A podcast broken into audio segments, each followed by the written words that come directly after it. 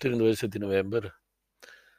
V Berilu imamo skrivnostno gostijo bogatašev, evangelij pa govori Jezus o preganjanju učencev.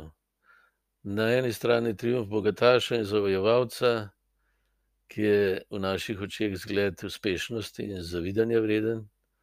On prireja gostijo in se sijajno gosti, vsem tistim, seveda, ki ga podpirajo in zanj delajo.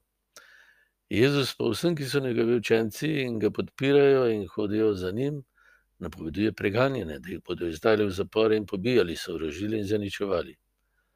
Na mesto gostije nas bodo smatrali za kriminalce in zatirali. Vsaka podobnost z današnjimi časi je zelo slučajna. Kontrast med obema podobama je škandalozen in krivičen. Kralj zlorablja svojo moč in je nespameten. Škandalozna je pa tudi nesreča Jezusovih učencev, ki si ne zaslužijo preganjanja, zapiranja, sovraštva in smrti zaradi Kristusa.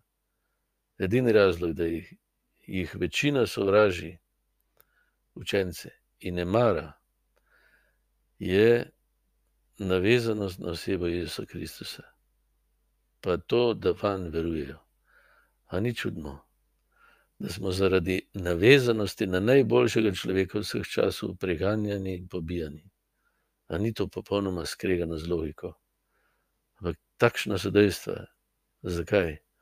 Zato, ker se samo ob ljubezni razkrije skrivnost zla, ta zlaganost zla, ki edino, kar zmore, je nasilje. In svetopismo nam pokaže, da je veliko bolj dobrodošel položaj preganjenih učencev, kakor pa zmagoslavno žretje s kraljem. Kraljeva zmaga je pirova zmaga.